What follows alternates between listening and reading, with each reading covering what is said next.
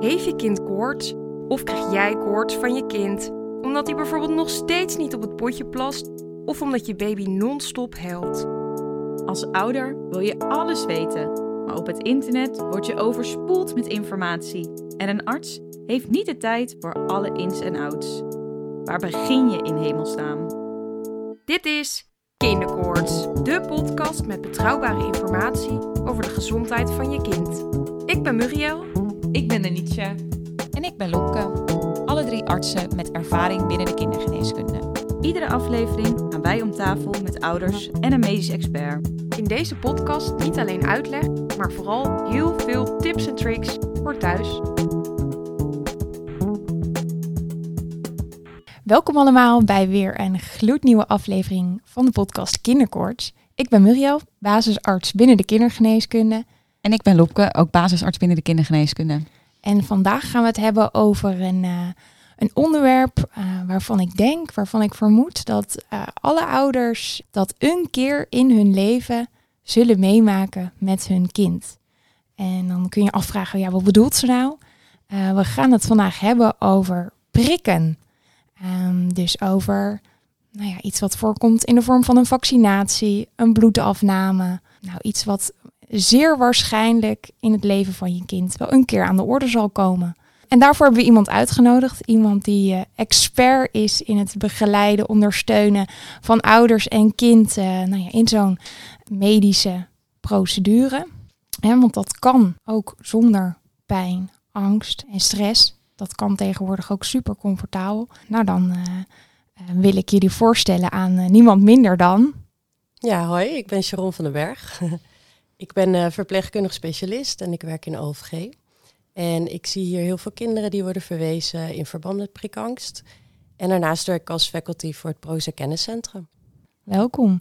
En ik hoor jou zeggen Proza. Uh, dan zijn we natuurlijk heel nieuwsgierig wat dat inhoudt. Uh, het Proza Kenniscentrum is een stichting die lesgeeft aan mensen die in de zorg werken.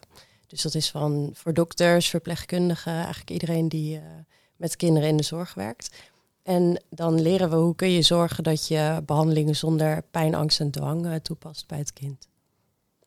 Alright, dus jij bent echt de perfecte spreker uh, voor dit onderwerp. Dat zou je denken.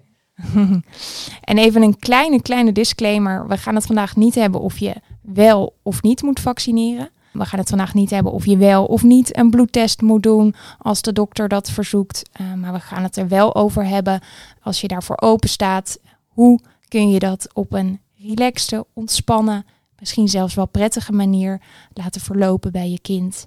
Met name dat we dus willen eigenlijk, hè, wat zijn de tools voor ouders en zorgverleners om ervoor te zorgen dat het op een comfortabele manier gebeurt. Want wij denken dat dat kan. Ik wil je vragen, waarom gaan we het vandaag hebben over uh, prikken? Waarom is dat nou zo'n belangrijk onderwerp?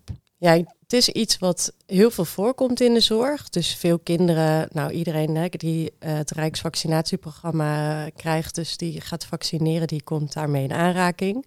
Um, maar ook als je kind klachten heeft, willen dokters toch ook vaak in het bloed kijken.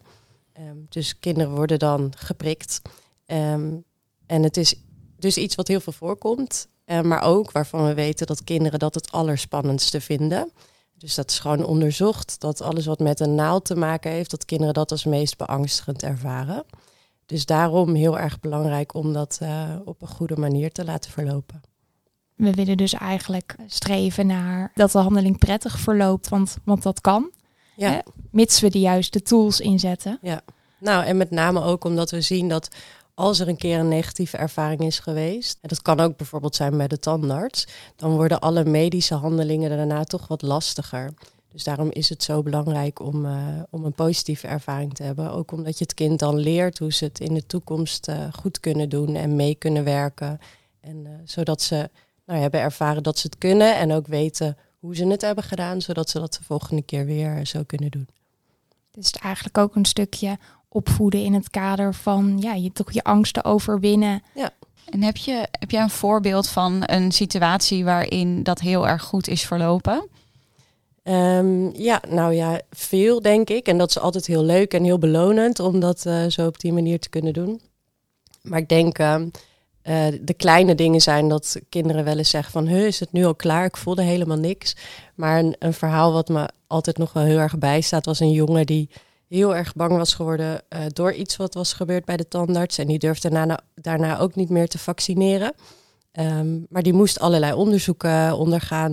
En toen hebben we geregeld dat dat onder narcose kon. Maar daarvoor had hij een infuus nodig, dus moest hij geprikt. En toen hebben wij gezorgd dat hij met behulp van sedatie bij ons op de afdeling... Uh, nou ja, dan rustig onder narcose gebracht kon worden. En ochtends belde zijn vader omdat hij zei... Uh, ik krijg hem zijn bed niet uit, wil je me alsjeblieft helpen?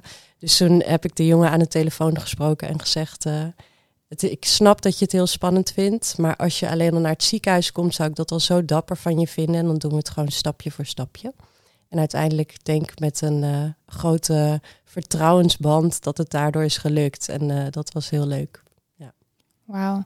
Heb je dat jochie toch nog, nou ja, ja. opgekruld uit zijn bed weten te krijgen? Met en, een team hoor. De psycholoog ja. heeft er ook goed werk aan verricht. Maar dat kunnen dus soms de gevolgen zijn van als je een keer iets vervelends hebt meegemaakt. Dat dan dus alles niet meer lukt. Ja. En dat willen we voorkomen. Ja. Hey, en uh, waarom is het nou eigenlijk zo logisch? Hè? Want we hadden het eerder over het gegeven dat injectie-gerelateerde handelingen zo spannend zijn.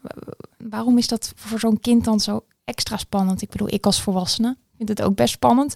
Maar waarom is het voor zo'n kind nou zo stressvol en moeten we daar iets mee? Waarom moeten we deze aflevering maken? Ja, ik denk wat kinderen vaak zeggen is als ik vraag waarom ben je dan bang, dan zeggen ze ik vind gewoon ik ben bang voor de pijn, dat ten eerste, want ja, iets scherps door je arm heen vinden ze gewoon in hun hoofd kan dat soms heel groot zijn. Um, dus dat is aan de ene kant iets, maar aan de andere kant ook um, ja, gewoon het niet kennen, het niet weten. Daar kunnen sommige kinderen zich ook van tevoren al heel druk om maken. En uh, je zegt het is spannend en het, het doet pijn. Nou, dat levert stress op. En wat doet stress met zo'n kinderlichaam? Ja, wat er gebeurt als je iets spannend vindt, dat herken je ook wel van jezelf. Dan gaat je eigenlijk soort van je, je systeem aanstaan. Je hoofd heeft als functie om je te beschermen. Dus je bent constant aan het scannen van is het hier veilig of uh, moet ik uh, vechten, vluchten of uh, bevriezen. En nou ja, een naald in een arm, dat is natuurlijk iets waarvan de meeste mensen denken niet fijn wegwezen. Um, maar wij als volwassenen kunnen bedenken van nou hè, dat is om te zorgen dat ik niet ziek word of omdat ik een onderzoek moet ondergaan wat belangrijk is voor mijn gezondheid. Dus als ik mijn arm stilhoud, dan komt het goed. Maar bij kinderen is je prefrontale cortex, dus je verstand noemen we dat altijd, dat is gewoon nog niet ontwikkeld. Dus die kunnen dat eigenlijk helemaal niet zo goed tegen zichzelf zeggen. En wat je doet met je verstand is jezelf kalmeren. Dus dat zorgt ervoor dat je dingen kan of dat dingen lukken. Uh, en voor kinderen is dat veel lastiger. Dus die zijn heel gestrest en dan ga je helemaal aanstaan. Dat herken je misschien ook wel van jezelf. Je hoort alles beter, je ruikt en je proeft. Hè. Al je zintuigen gaan open. Uh, dus alles wat er dan helemaal in zo'n, nou bijvoorbeeld enorme sporthal om je heen gebeurt, dat is één grote chaos. En dat voelt niet veilig. Dus dan is het heel lastig om jezelf uh, ja, rustig te kunnen krijgen. En, en kinderen zijn gewoon nog echt minder ontwikkeld omdat dat gewoon zo is. En daardoor heel moeilijk voor hen om uh, zulke dingen te ondergaan die voor ons soms maar zijn van nou het is maar een prikje. Dat is dus voor een mm. kind gewoon veel lastiger. En dan sta je in de rij in zo'n sporthal en hoor je degene voor jou gillen en dat ja. galmt dan zo lukken door die, uh, door ja. de sporthal heen. Ja. Niet bevorderlijk. Het is heel efficiënt georganiseerd. Ja. maar ook wel heel invoelbaar, stressvol. En ik hoor wat je zegt, al je zintuigen staan open. Ja. Dus je bent dan maximaal gespannen. En dan kun je dat ook eigenlijk als kind helemaal niet goed reguleren. Bedenken van, het komt waarschijnlijk wel goed. Um, er staat een medisch team klaar hè, in zo'n hal. Ja, dat, dat kun je dan niet bedenken. Nou, dat leidt natuurlijk tot uh, wat je zegt, chaos. Ja, en je, je hele lijf gaat aan dan. Hè? Dus je hartslag gaat omhoog, je gaat snel ademen. En ja, alles reageert op dit is niet veilig, ik moet wegwezen. Voldoende reden, denk ik, om, uh, om eens in, in de stof te duiken. Tenminste, we hebben het net in de stof gedoken en nu gaan we aan de praktische kant uh, eens bekijken. Want dat prikken, dat is dus een ding. En daar kunnen we als ouder uh, gelukkig ook best wel op inspelen. Laten we eens beginnen met wat tips voor thuis die ouders al kunnen inzetten om je kind voor te bereiden op zo'n spannend moment als die sporthal met die prik of die bloedafname bij de huisarts? Hoe doen we dat? Uh? Ik denk dat um, wat ik net zei over al je zintuigen gaan aanstaan, dat heeft dus een, een, een inkoppertje daarbij is wat zeg je precies? Wat kun je wel zeggen en wat kun je niet zeggen? Als je tegen een kind van vier zegt, je krijgt een prik, ook al is die nog nooit geprikt. Die denkt, ja, je bent helemaal gek geworden, waarom zou ik me laten prikken? Je zegt altijd, een, een bij kan prikken, daar moet je voor oppassen. Dus waarom zou ik dan nu ineens dat doen? En dus dat soort woorden proberen we vooral op die leeftijd een beetje te mijden. Ehm, en wat heel erg belangrijk is, is dat je wel voorlichting geeft, maar dan hè, dus vertelt van wat je gaat doen. En heel herkenbaar, uh, dus heel, dat heel herkenbaar maakt. Bijvoorbeeld van um, uh, wij gaan daar samen heen, we gaan met de auto, dan komen we uit bij een hele grote hal. Dat zijn allemaal dingen die ze dan van, oh ja, dat heeft mama verteld. We gingen met de auto, oh ja, zie je wel, we zijn in die grote hal. Om maar even zo het voorbeeld te noemen. Um, dus dat is al een ding, dat je natuurlijk eh, goed niet alleen naar het niveau kijkt, maar ook waar heeft mijn kind behoefte aan. Sommige kinderen willen alles weten en sommige kinderen denken van nou laat me maar een beetje met rust, want anders dan, uh, ja, dan trek ik dat niet.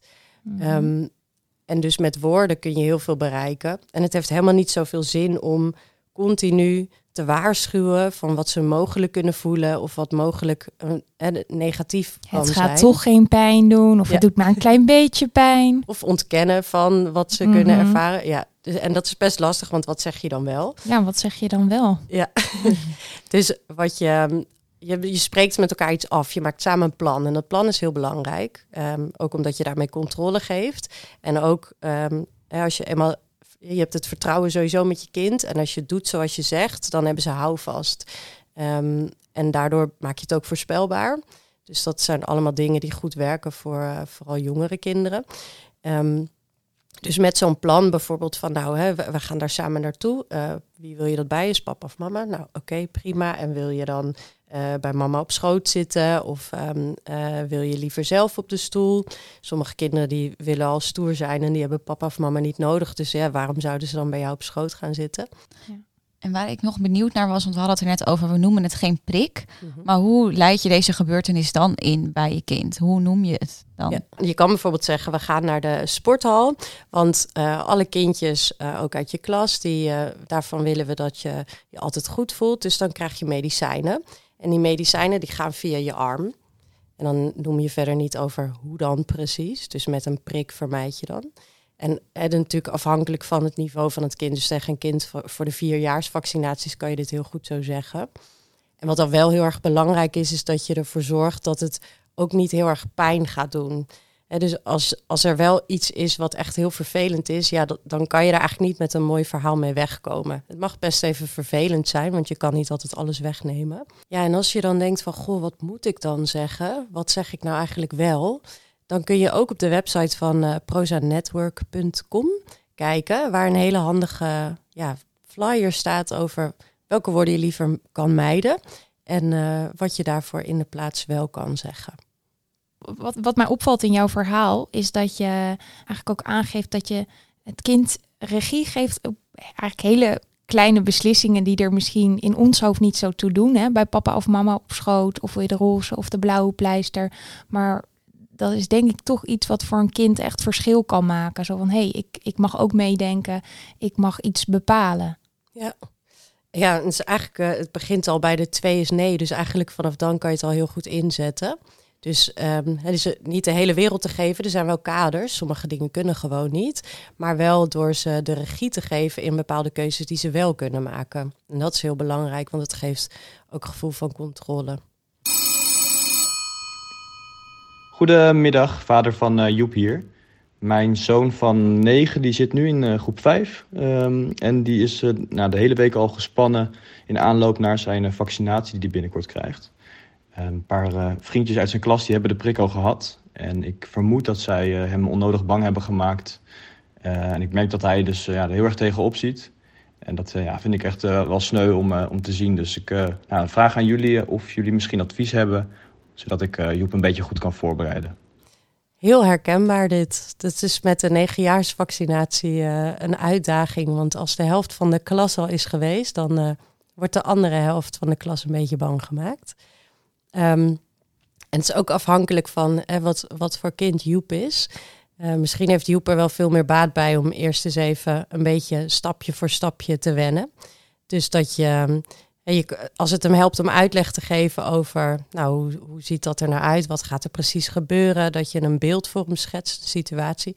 Je kan ook best eens zeggen, kom, we gaan eens even langs rijden. Zie je, dit is dan waar het gebeurt. Het is gewoon de sporthal. Um, en dat je met hem een plan maakt van, goh, en wat vind je dan spannend? En hoe kunnen we dan zorgen dat het minder spannend is? Dus um, bijvoorbeeld helpt het jou om naar een filmpje te kijken terwijl we dit gaan doen? Of kun je ervoor zorgen dat je hoofd rustig wordt, dat je een slapper lijf hebt? Zo noemen wij dat altijd. als je een heel strak lijf hebt, dan voel je veel meer dan een ontspannen lijf. Dus vind je het dan fijn om uh, mama's hand vast te houden bijvoorbeeld? En dan geef je hem dus weer die controle en die voorspelbaarheid in datgene waar dat in kan. Um, en dan maak je samen een plan. En het is ook belangrijk, denk ik, om goed uit te leggen dat dat hij ook wel wat gaat voelen, maar dat dat ook niet erg is. Dat soms dingen even niet per se heel leuk zijn, maar dat je weet dat het beter voor je is als je het wel doet. En dat iedereen het kan, want iedereen, de, halve klas op school heeft het ook al gedaan. Nou, en dingen benoemen die hij ook al eerder heel goed gedaan heeft. En hem zo op die manier er doorheen uh, coacht. Dus zeker bespreekbaar maken ja. op, een, op een manier die bij je kind past, hoor ik je zeggen. Mm en uh, ja, toch weer dat plan maken. Hè? En ik denk dat ouders daar, ja, die kennen hun kind het best. Ga daarmee aan de slag. Ga alvast naar de locatie. Hè, als, dat, uh, als dat helpt. Ja. ja, kijk wat voor jouw kind fijn is. Ja, en goed uitvragen, denk ik. Want we zijn vaak zo geneigd om te denken van... Nou, als je het maar doet, dan ben je er vanaf. Het is allemaal niet zo erg, dan, ben je, dan is het maar klaar of zo. hè? Dat is mhm. ook iets wat we heel vaak horen van... dan ben je er maar vanaf of dan is het maar gebeurd. Terwijl het juist zo kan helpen om je er even wat dieper op in te gaan. Maar wat is het dan wat je zo spannend vindt? En hoe kunnen we dan zorgen dat je het, hè, wat kunnen we dan doen zodat het minder spannend is? Ja. Dus dat is heel belangrijk. En dat is denk ik ook vaak is het dat stukje controle of regie, wat ze dan natuurlijk even kwijt zijn, omdat ze niet zo goed weten wat er gaat komen. En dat kun je dan in een andere vorm weer teruggeven. Ja, ja. En uh, nou, dan is het moment daar. Um, we zijn in die sporthal. Hè. We hebben de tips voor thuis uh, hebben we ingezet. En dan uh, is het nog steeds heel spannend. Misschien spannender dan als je de tips voor thuis niet had ingezet. Maar het is nog steeds wel een indrukwekkende hal met heel veel andere kinderen. Uh, of een indrukwekkende spreekkamer. Ehm, ja, die misschien toch weer nieuwe gevoelens oproept. Wat doen we dan als ouder? Hoe kunnen we dan helpen? Ja, ik denk dus goed met je kind die afspraken maken, dus zo'n plan. Nadenken uh, wat helpt en wat niet. Sommige kinderen zijn heel gevoelig voor veel geluid eromheen. Of, hè, dus dat je nadenkt over, um, kunnen we het misschien met z'n tweeën doen? Ik denk ook echt wel dat je dat soort dingen kan vragen als je in een ziekenhuis bent. Of uh, wat, nou, hij vindt het prettig als, hè, mag hij bij mij op schoot zitten? Of vind je het goed? Nou, noem maar iets. Dat hij een filmpje kijkt, want dan is hij lekker afgeleid en dan voelt hij zich prettiger. Ehm, en dan ehm, zit dat kind in de stoel. Tenminste, we hebben hem zo ver gekregen, uh, zo comfortabel gemaakt dat hij in de stoel wil zitten. Misschien wel bij moeder of schoot, of misschien niet. Beetje afhankelijk van de leeftijd. En dan is er zoiets als de RAP-methode die we kunnen inzetten. Hoe werkt die? Ja, dat, ehm, de RAP staat dus voor relax, dus dat is de eerste. Dus hoe zorg je dat je ontspannen bent? Hoe maak je slappe armen en een slap lijf? kan bijvoorbeeld door op je ademhaling te letten. Of ehm, nou, sommige kinderen vinden het dus fijn om, ze, dat noemen ze co-regulatie, dus dat de ouder even een knuffel geeft zodat ze rustig worden. En dan de afleiding, welke afleiding kies je? Wil je ehm, eh, met mama over de zomervakantie kletsen of wil je dat filmpje kijken of nou noem het maar op. En dan de positie, dus hoe wil je zitten? Wil je lekker alleen zitten? Wil je het zien of wil je het niet zien? Meestal helpt het niet zoals je het ziet. Ja, de prik zien bedoel je? Ja. ja wil je de handeling zien. En hè, dus juist als je lekker afgeleid bent en lekker ehm, met mama zitten kletsen, dan hoef je helemaal niet te kijken, want dan merk je het eigenlijk veel minder. Dat leg ik altijd ook wel uit aan kinderen. Uh, ja, dus dat, zo kan je toch, dat zijn kleine dingetjes, maar zo kan je toch uh, daar wel wat mee doen. En je kan, als, het, als je denkt van uh, hij is heel erg bang of zij is heel erg bang voor pijn, we vragen pleisters met verdovende zalf. Kun je bij de huisarts vragen. Dus dat je huid ook goed verdoofd wordt. Die werken echt goed, namelijk. Um, en het neemt niet alle pijn weg, maar wel uh, een beetje.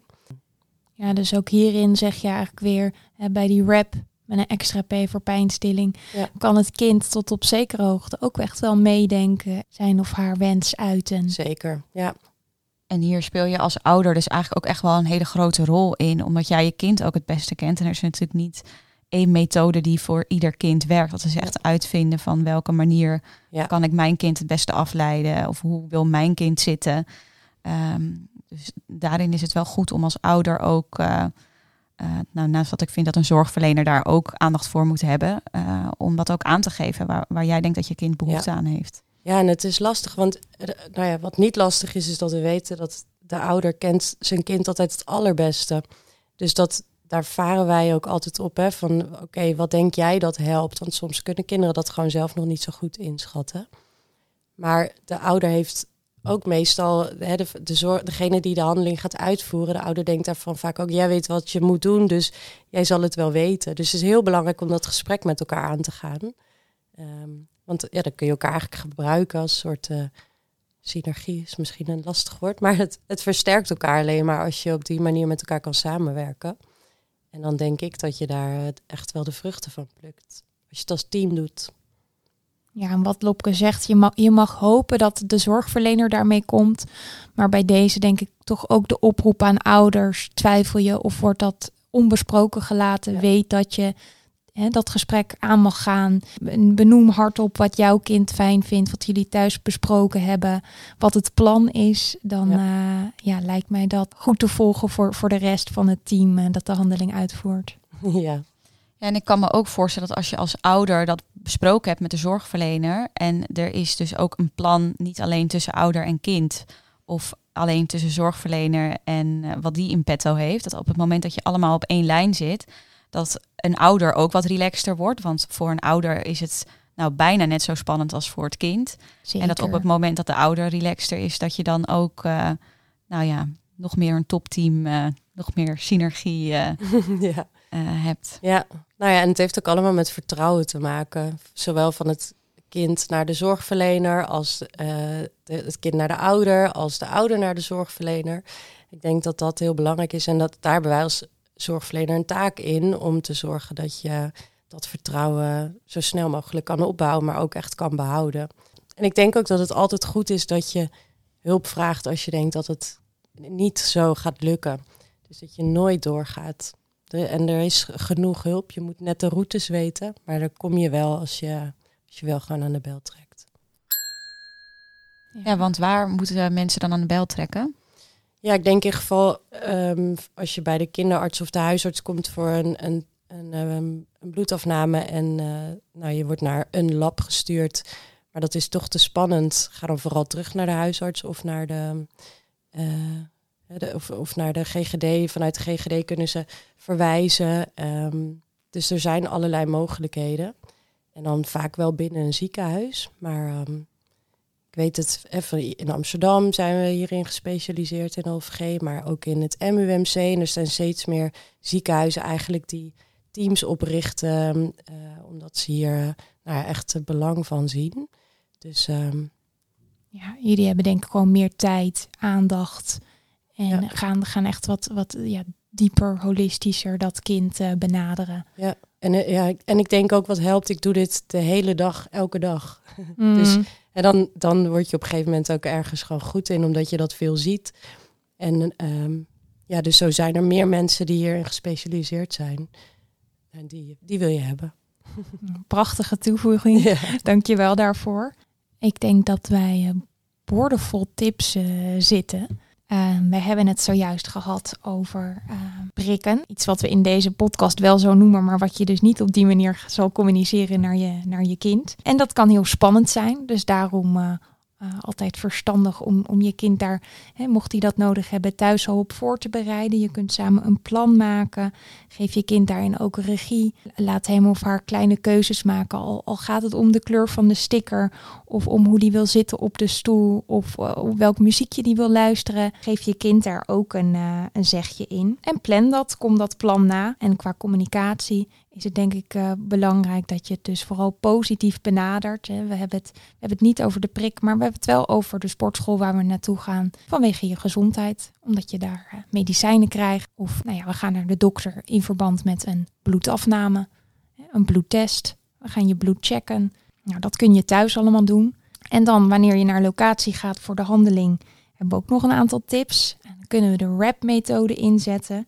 De R voor relax een muziekje op of ademhalingsoefeningen. Lekker bij mama op schoot. De A voor afleiding. Nou, we nog niet genoemd, maar ik vind bellenblazen zelf altijd een hele leuke. Mhm. Maar iPad is, uh, is tegenwoordig ook heel hip, doet het ook goed. En de P voor positie. Nogmaals, lekker op schoot of op je eigen billen. Nou ja, dan hadden we volgens mij nog een extra P voor pijnstilling. Weet dat je ook aan, uh, bij de huisarts uh, aan de bel mag trekken voor een, een, pleister die, die een beetje verdooft. En op die manier ook bij kan dragen aan eh, nou ja, een prettigere, meer comfortabele gebeurtenis in, in de sporthal of bij de dokter. Um, dan wil ik de luisteraar uh, weer bedanken voor zijn tijd. En ik hoop dat we jullie een beetje op heg, weg hebben geholpen um, in de voorbereiding uh, en, en alles wat er speelt uh, rond het prikken. En dan spreken jullie graag de volgende keer. Ja, dankjewel Sharon. Dankjewel ja, Sharon. All right, doeg!